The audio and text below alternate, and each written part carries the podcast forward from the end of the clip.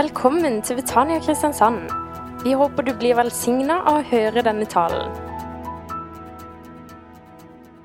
Jeg gleder meg til å dele det jeg skal dele med dere. I dag skal vi være sentrale, skal jeg si dere. I dag skal det virkelig være sentralt. Skal vi se, vi får prøve å få på noe på veggen her. Der kommer det. Eh, jeg har en hel del skriftsteder i dag. eh, Og da håper å si, gjør vi det sånn at de kommer opp på veggen, så er det selvfølgelig hjertelig velkommen til å bla i Skriften. Men jeg registrerer når man er rundt og preker at det er ikke så mye rasling i bibelblader og sånn lenger. når man sier man skal lese her og der. Det kan man jo mene hva man vil om. Eh, Men uansett så vil du få ting opp på veggen der borte. Og temaet er, som det står der oppe, 'Jeg tror på Jesus Kristus'. Tror dere det? Tror du på Jesus Kristus? Det er bra. det er godt. Da er vi, har vi et godt utgangspunkt for det vi skal dele med hverandre. Til alle tider så har Jesu Kristi kirke bekjent at de tror på Jesus Kristus. Og nå er vi ikke så veldig skal vi si, eh, voldsomme til å bekjenne vår tro i de frie evangeliske. Det kunne vi kanskje gjøre noe mer. Men det gjøres i de aller aller fleste kirkesamfunn i verden. Så bekjenner man 'Jeg tror på Jesus Kristus, Guds enbårne sønn, vår Herre', som ble unnfanget ved Den hellige ånd, født av jomfru Marie osv. Den der trosbekjennelsen den summerer på en veldig god måte opp hva som er den innerste kjernen i det vi tror på. Og vi tror dette. Vi tror på Jesus. At han kom hit ned, at han levde, at han døde, at han sto opp igjen, at han for opp til himmelen, at han kommer tilbake. Det er det liten tvil om. Men hva ligger det egentlig i dette? Hva tror vi egentlig om personen Jesus Kristus? Eh, saken er nemlig den at Innholdet i den felleskristne tro på Jesus er noe langt mer enn at man tror at det for 2000 år siden levde en mann nede i ja, østlige grensen mot Middelhavet. Eh, områdene Galilea, Samaria og Judea. Og at denne mannen het Jesus. At han vokste opp i byen Nasaret, omtrent midtveis mellom Genesaretsjøen og Middelhavet. Eh, det er riktig, det også. Men vi tror noe mye mer om ham. Og Vi skal si litt om hva som ligger i vår felleskristne tro på Jesus denne ettermiddagen. Og Kanskje er det sånn at en del av det jeg kommer til å si i kveld, er i overkant teologisk. Det er mulig. En del ord og fraser som du ikke liksom kjenner sånn til daglig. i hvert fall. Men det er vanskelig å beskrive den absolutte kjerne i det vi tror på, i den kristne tro, uten å bruke en del sånne ord og uttrykk. Så det vi skal dele med hverandre, det ligger litt sånn i skjæringspunktet en oppbyggelig preken og en bibeltime.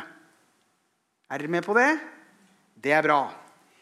Himmelske Far, takk at du er fortsatt her. Og takk at du har tatt bolig i våre hjerter ved troen på deg. Takk at vi får lov til å regne oss som dine barn. Og nå priser vi deg, Herre, fordi vi skal få lov til å forkynne hvem du er denne kvelden. Herre, jeg ber deg, som jeg ofte ber deg om, hold forstyrrende tanker og makter borte. Og hjelp oss til å konsentrere oss om deg alene. Gi nåde til å tale og nåde til å lytte.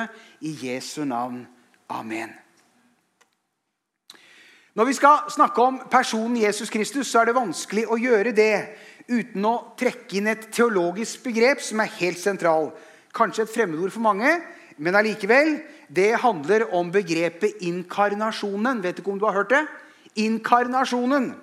Eh, ordet kommer av det latinske 'incarne', som betyr 'i kjød' eller 'som menneske'.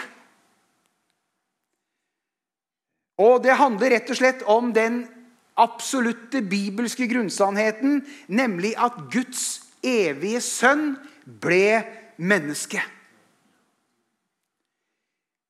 Johannes kapittel 1, vers 14, der står det sånn og ordet ble menneske og tok bolig iblant oss. Og vi så hans herlighet, en herlighet som den den enbårne sønn har fra sin far, full av nåde og sannhet. Og Så hopper vi fra evangeliene over i Paulusbreven, og i Galaterne 4,4 så står det Men i tidens fylde sendte Gud sin sønn, født av en kvinne, født under loven. Hør nå. Dette er ikke bare skal vi si, fagre ord og uttrykk. Men dette er noe som faktisk skjedde helt konkret i vår verden. Og Det er forunderlig når man leser om Jesu fødsel og de tingene som ligger ikke bare Jesu fødsel, men Jesu liv her, så er det ikke noen sånne flyvende, ulne greier, men det er veldig konkrete ting. Eh, Jesus Kristus han kom for det første på en bestemt tid. Ikke tvil om det. Det kan tidfestes når han kom. Lukas 2,1. Det skjedde i de dager at det gikk ut en befaling fra keiser Augustus om at hele verden skulle innskrives i manntall. Denne første innskrivning ble holdt mens Kvirinius var landshøvding i Syria. Ingen tvil om tidsaspektet ved dette. Det har faktisk skjedd i tiden. Og han kom også på et navngitt sted. Matteus 2,1.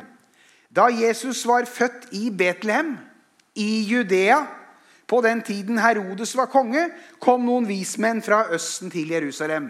Ser du det? Et helt konkret sted også.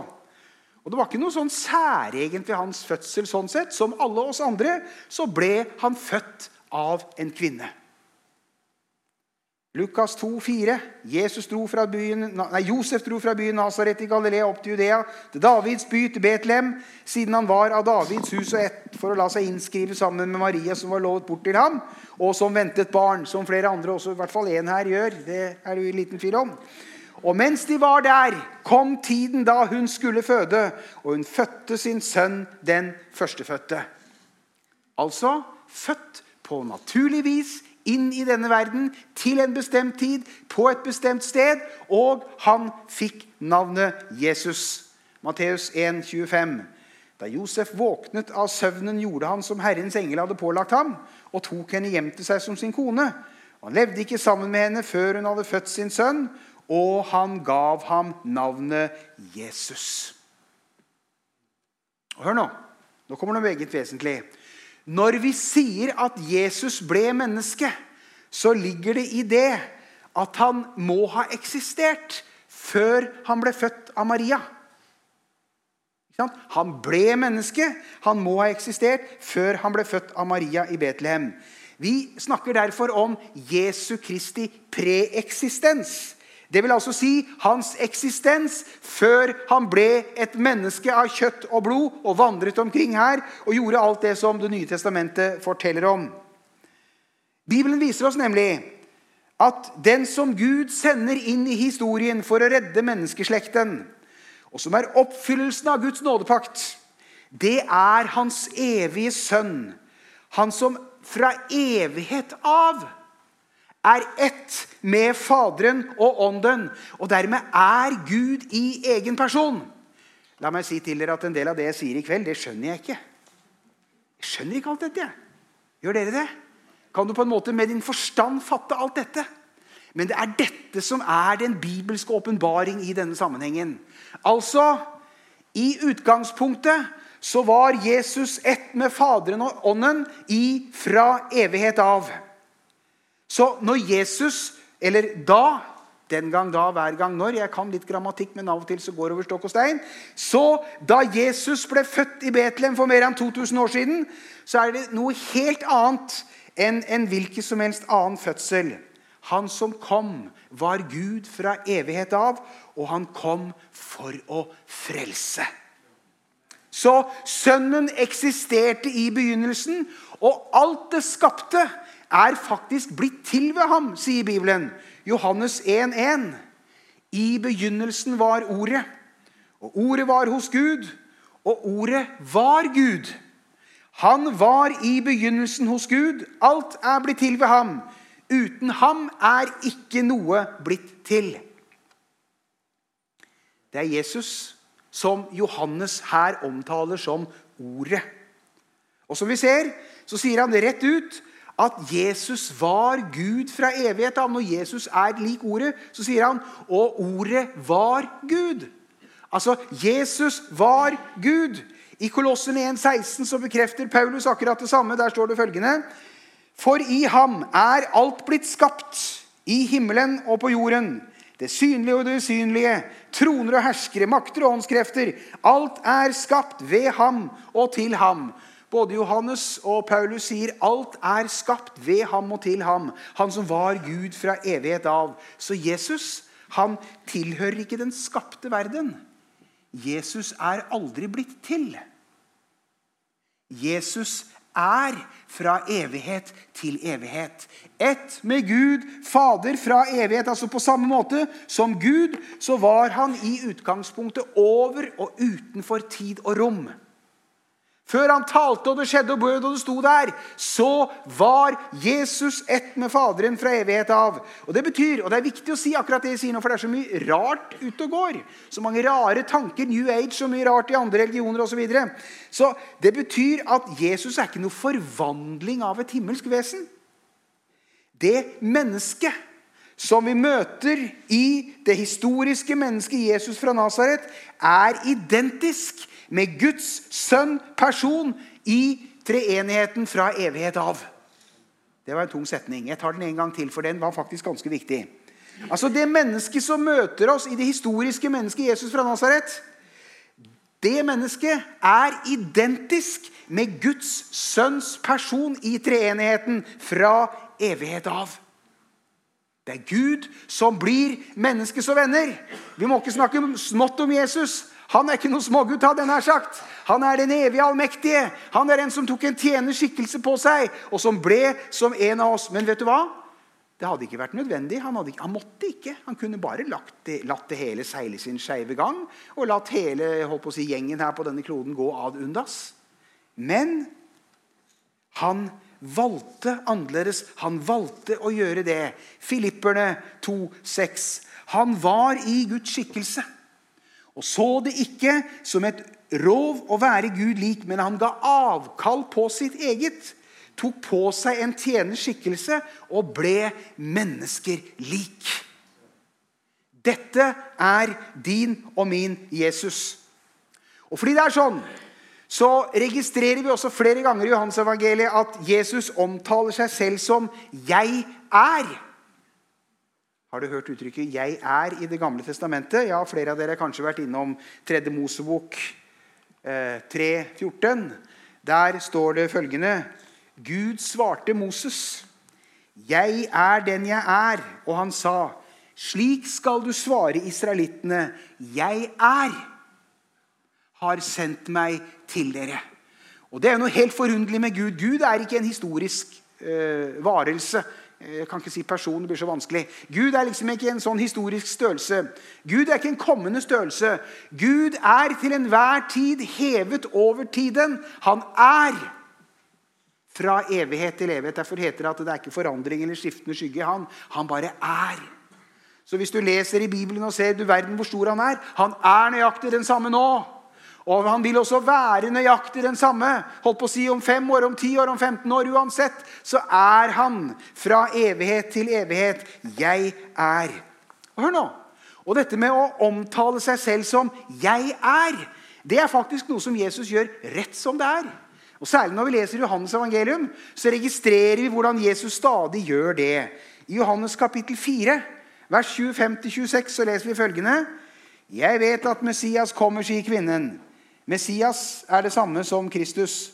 Og når han kommer, skal han fortelle oss alt. Jesus sier til henne, 'Det er jeg'. Der sier han egentlig 'Jeg er'. Og presenterer seg på en måte som Gud for henne. 'Jeg er, det er jeg som snakker med deg'. Og Dette kommer fram på en veldig artig måte i eh, denne samtalen med den samaritiske kvinnen i Johannes 8. Eh, der refser fariseerne ham fordi han sier at han kjenner Faderen og har sett Abraham. Dere kjenner ham ikke, sier Jesus, men jeg kjenner ham. Dersom jeg sa at jeg ikke kjente ham, var jeg en løgner, slik som dere. Men jeg kjenner ham og holder fast på hans ord. Deres far Abraham jublet over å kunne se min dag. Han fikk se den dagen og frydet seg. Og så svarer fariseerne og de som står rundt ham, du er ennå ikke 50 år og har sett Abraham sa jødene. Jesus svarte, 'Sannelig, sannelig, jeg sier dere, før Abraham var, er jeg.' Halleluja. Før Abraham var jeg tullete grammatisk måte å si det på. Men du verden, det sier litt om det. altså Før Abraham var 'jeg er', så er han den evig værende, ikke sant? som er fra evighet til evighet. Et litt sånn spesielt utsagn, men Jesus visste hva han sa. Han viste til At Faderen og han er ett fra evighet av. Og Jesus var altså ett med sin far. Så det er som om Jesus på denne måten ønsker å si at 'jeg er ett med min himmelske far'. Så når Jesus kommer inn i denne verden, så kommer han fra evigheten. Så kommer han fra det transcendente, for å bruke et litt fint uttrykk, ifra det evige. Og så kommer han inn i denne verden. Og fordi han er ett, er identisk med Gud selv, så er han forskjellig fra og enestående i forhold til ethvert menneske. Han er den, den, eneste som samtidig med sin menneskelige eksistens er Gud i himlene. Da begynner vi å strekke det langt vel. hva? Men det er det Bibelen, det er det som er tydelig, når vi leser, det er det som skinner igjennom overalt når vi leser i, i Det nye testamentet. Altså Samtidig med sin menneskelige eksistens så er han Gud i himlene. Han er sammen med disiplene på Genesaretsjøen, samtidig som han er den evig værende. Hvordan i alle dager går det an? Jeg skjønner ikke. Men det jeg skjønner, er at når det gjelder Jesus og når det gjelder guddommen, så er han holdt på å si, så stor at han kan eksistere i flere dimensjoner samtidig. Han kan være i den menneskelige dimensjonen her og nå, samtidig som han er i den evige dimensjon og er den store som er der oppe. Han er den samme samtidig. Dette skjønner vi ikke helt, men jeg skal gi dere et lite bilde. Sånn at vi prøver å liksom, skal vi si, trekke gardina bitte litt til side og kanskje se litt av dette. Jeg skal presentere dere for to utmerkede her nå nemlig herr og fru Flat. De har den egenskap at de lever kun i to dimensjoner. Her er det kun lengde og bredde. Høyde eller dybde eksisterer ikke hos disse. Ikke sant? Jeg har lengde og bredde og høyde. Vi har alle dimensjonene alle sammen. Og vi skjønner ikke når vi på en måte skal begynne å strekke oss opp i høyere dimensjoner, andre dimensjoner, der hvor Gud er. Men kanskje skjønner vi litt mer hvis vi går tilbake et hakk og liksom, skal vi si, setter oss ned på disse tos plan de er altså bare i lengde og bredde. Og det betyr ganske masse morsomt. Eh, når herr Flat Da kan ikke dere se her, fordi at eh, talerstolen eh, går litt feil vei. i forhold til dere. Han går riktig vei i forhold til meg. Men når herr Flat eller fru Flat når de ser på hverandre, hva ser de da? Ja, Fru Flat forsøker å betrakte sin mann. Hun ser bare en strek. Hun ser bare den ene dimensjonen. Hun ser en strek. Det var to korte streker gitt ned. ikke sant? Beina. Og Så kan hun kanskje gå rundt ham. Og så kan hun bruke hjernen og forsøke å prosessere det hun, det hun, forstår. Og så skjønner hun at han har en viss omkrets, denne mannen hennes, herr Flat. Her ligger herr Flat og fru Flat. Så er jeg et vesen som også er et menneske i tre dimensjoner. Ikke bare lengde og bredde, men også høyde. Nå kan jeg føre hånden min holdt på å si, bare to millimeter over herr og fru Flat. De kan ikke fatte meg i det hele tatt, for jeg er ikke i deres dimensjon. De ser kun i dette planet. Og jeg er nå veldig tett på de begge to. Jeg er nærmere herr og fru Flat enn det de er hverandre, men de merker det ikke. Du, Herren er nærmere deg enn noen av de som er i dette lokalet, men du merker det kanskje ikke. Han er tett ved sida mi og Jesus. Ja visst gjør han det. Han er tett på. Dette er en god illustrasjon på akkurat dette.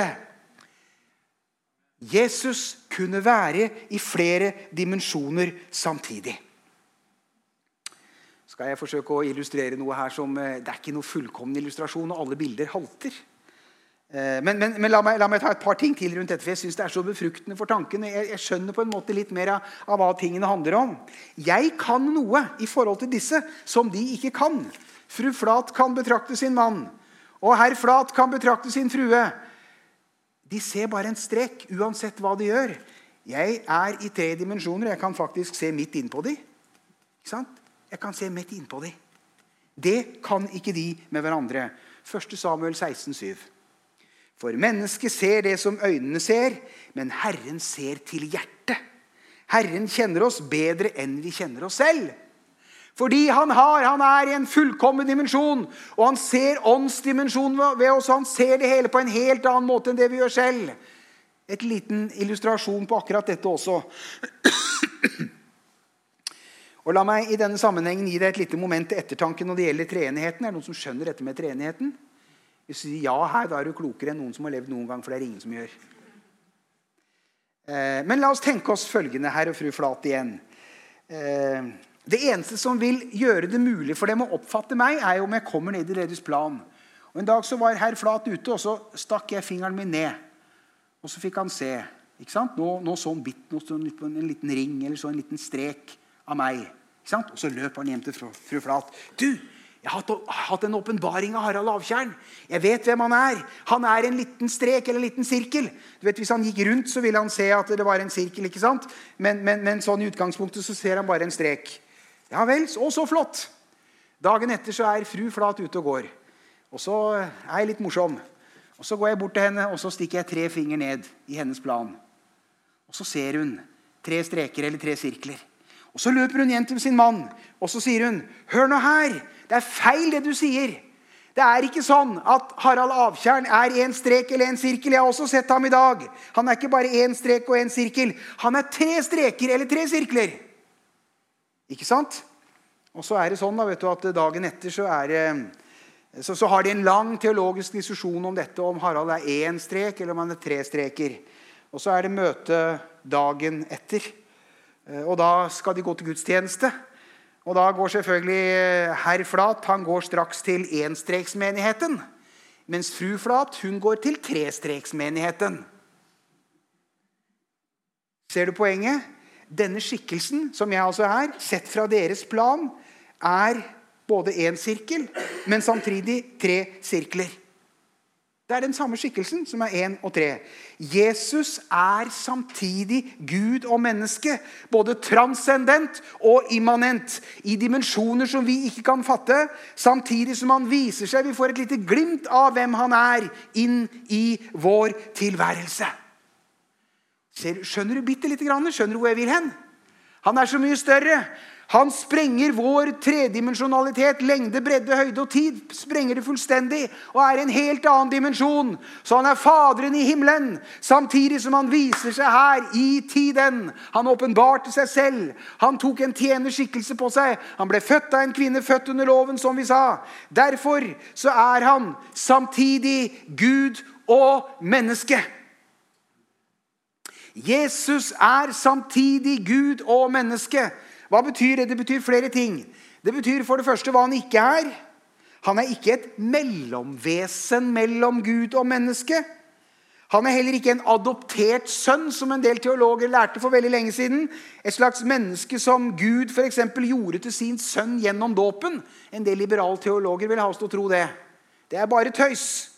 Han er heller ikke en lysutstråling eller en emanasjon fra det guddommelige, fra det hinsidige, som en del New Age-tenkere vil ha oss til, og som den gamle gnostisismen ville ha det til. Han er ikke noe av dette. Hva er han? Jo, han er Sønnens person i den treene Gud. Og så er han Gud som åpenbarer Gud. Og så er han Gud fra evighet av, som er kommet inn i tiden, og som selv sonet våre synder. Det er Jesus fra Nasaret. Det er denne Jesus vi tror på. Og fordi det er sånn, så er det også veldig viktig å holde fast ved det punktet som kommer opp nå. Det står med, jeg holdt på å si, nå kunne jeg nesten si med Paulus, Se med hvor store bokstaver jeg skriver til dere. Det er litt lite lerret der borte, så jeg må skrive med litt store bokstaver.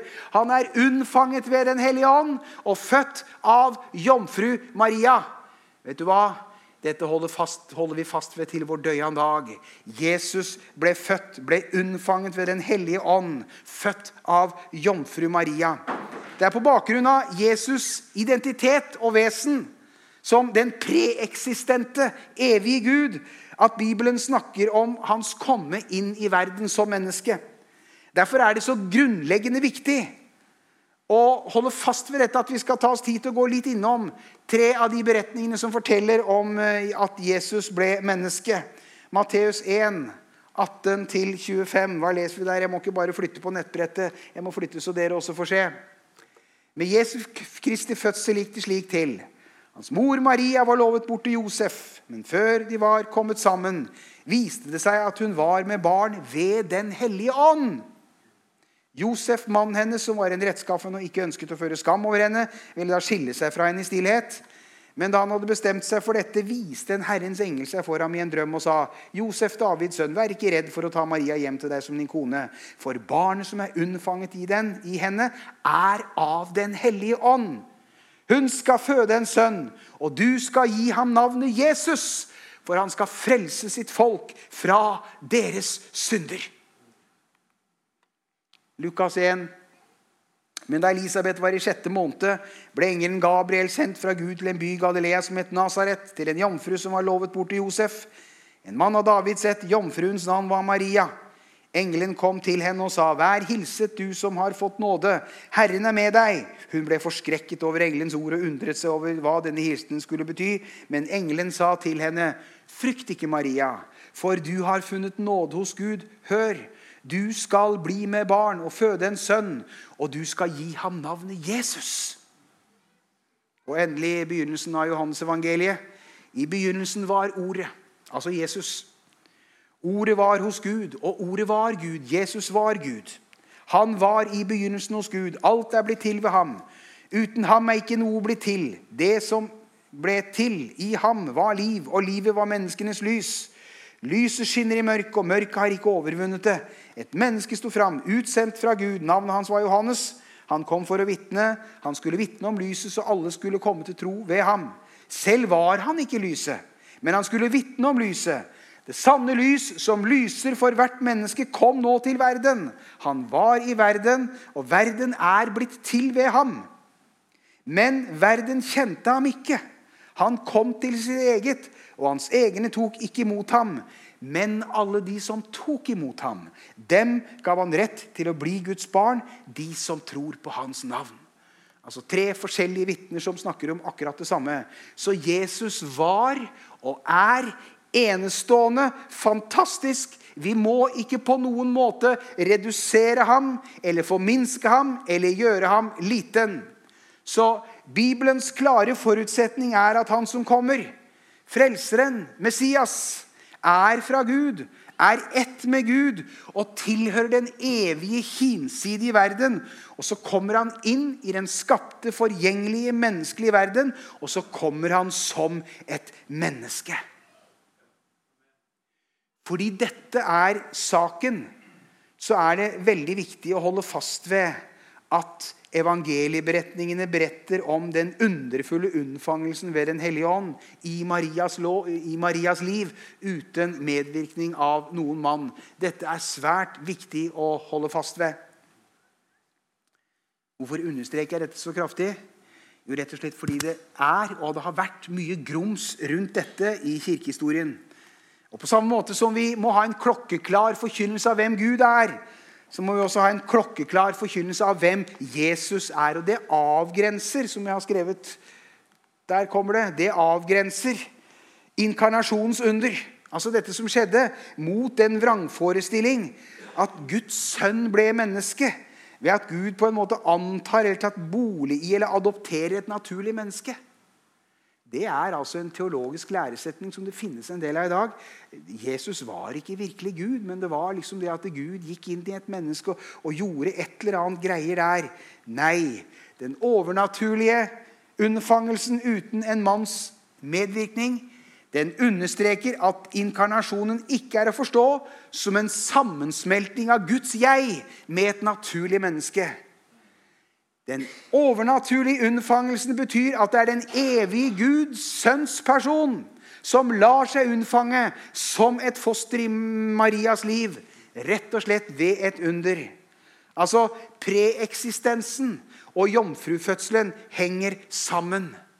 Det er den preeksistente sønn, han som var fra evighet av, som tar på seg et menneskelig legeme av kjøtt og blod, en forunderlig forening av sant guddommelig og sant menneskelig, som ingen andre enn Gud selv kan gjøre eller forstå eller fatte dybdene av. Og denne menneskeligheten som den evige Gud tar på seg i inkarnasjonen, den omfatter, ikke bare det legemlige, men hele den sanne menneskelighet med ånd, sjel og legeme. Så Jesus er altså virkelig både sann Gud og sant menneske. Dette er Jesus. Og Dette er veldig sentralt, mine venner, og det er denne Jesus vi tror på. Bibelen framstiller ikke en gudeskikkelse som ikke har menneskelige egenskaper. Han er sant menneske også. Og Det kommer klart fram i flere sammenhenger om du leser i bibelberetningene, f.eks. Johannes 11, 33. Der står det sånn Da Jesus så at både hun og alle jødene som fulgte henne, gråt, ble han opprørt og rystet i sitt innerste. Han hadde menneskelige følelser. Eller Matteus 26, 38. Da sa han til dem, 'Min sjel er tynget til døden av sorg. Bli her og våk med meg.' Hvis han hadde vært, ikke vært sant menneske, så hadde han ikke behøvd å si disse tingene. hadde ikke blitt rystet i sitt innerste. Men han er et sant menneske. Og etter at han var død, hva leser vi da i Lukas 23? Han gikk til Pilatus og ba om å få Jesu kropp. Det var altså Josef, dette her. Josef fra Arimathea. Og Josef tok Jesu kropp og svøpte det inn i et linklede og la ham i en grav som var hugget inn i bergveggen, og som ennå ingen hadde ligget i. Så skriftstedene over de viser at det er ikke noe amputert eller redusert menneskelighet. Han var helt og fullt menneske, samtidig som han var helt og fullt Gud. Det guddommelige og det menneskelige i samme person. Så når vi snakker om Jesu Kristi person, så, så er det noe som sprenger alle rammer. Han er i flere dimensjoner samtidig. Eh, han er altså samtidig et helt alminnelig menneske, og så er han også da så stor. Men det var én forskjell i forhold til Gud og andre mennesker. Vi andre mennesker, vi synder. Jesus tok på seg en tjeners skikkelse og ble et menneske, men han syndet ikke. Hebreerne 4,15, for vi har ikke en øverste prest som ikke kan lide med oss i vår svakhet, men en som er prøvd i alt på samme måte som vi. Han har testa det hele, men uten synd. 1. Peter 2,22. Han gjorde ingen synd, og det fantes ikke svik i hans munn. 2. Korinterbrev 5,21. Han som ikke visste av synd, har han gjort til synd for oss, for at vi i ham skulle få Guds rettferdighet. Dette kan vi ikke få understreket sterkt nok. Jesus er kort og godt som vi har sagt, sann Gud og sant menneske. Helt og fullt begge deler. Jesu guddommelighet og Jesu menneskelighet blandes aldri sammen, slik at det liksom oppstår en slags tredje type. En slags undergud eller overmenneske. Nei. Jesus er begge deler 100% Jeg har holdt på litt lenger enn det burde jeg gjort. kanskje. Jeg vet ikke om møteleder begynner å bli fortvila nå at avtjern bare står her stadig vekk. Men jeg skal avslutte nå gå til avslutning. Jeg skal avslutte med en beretning som på en måte får fram veldig fint synes jeg, begge disse tingene. Både Jesu guddom og Jesu menneskelighet. Jeg tenker på det som skjedde på Genesaretsjøen den gang for lenge siden. Ja, det var dette den skulle hatt fram da jeg sa det jeg så nå. Nå kommer det jeg skal si nå. Han er, han er begge deler. Jeg bare understreket dette her. Eh, så denne beretningen fra Markus 4, 35. Samme dag, da det var blitt kveld, sa han til dem, la oss sette over til den andre siden av sjøen. De lot folkemengden bli igjen og tok ham med seg i båten der han satt. Også andre båter fulgte med. Da kom det en voldsom virvelstorm, og bølgene slo inn i båten så den holdt på å fylles. Jesus lå og sov i en pute bak i båten.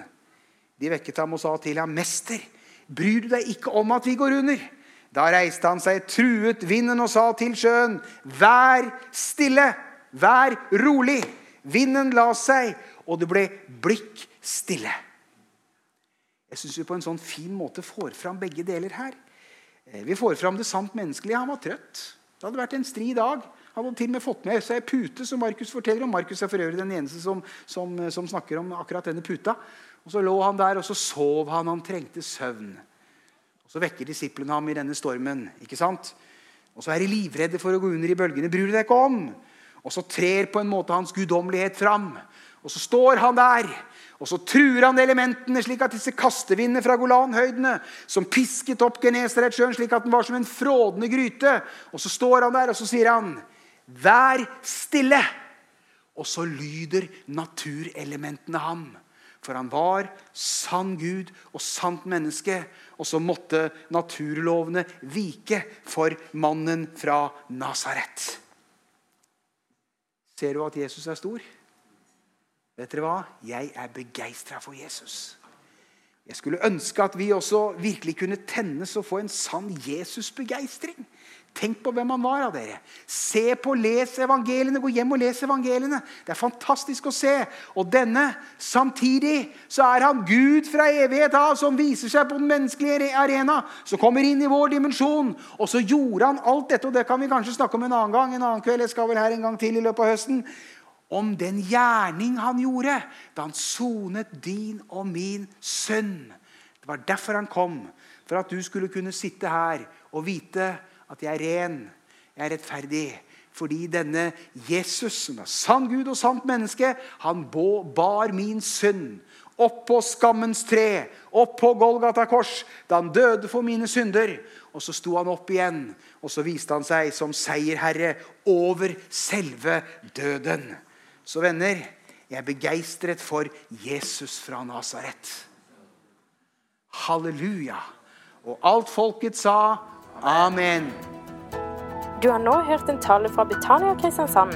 For mer informasjon kan du besøke våre hjemmesider på betaniakrs.no.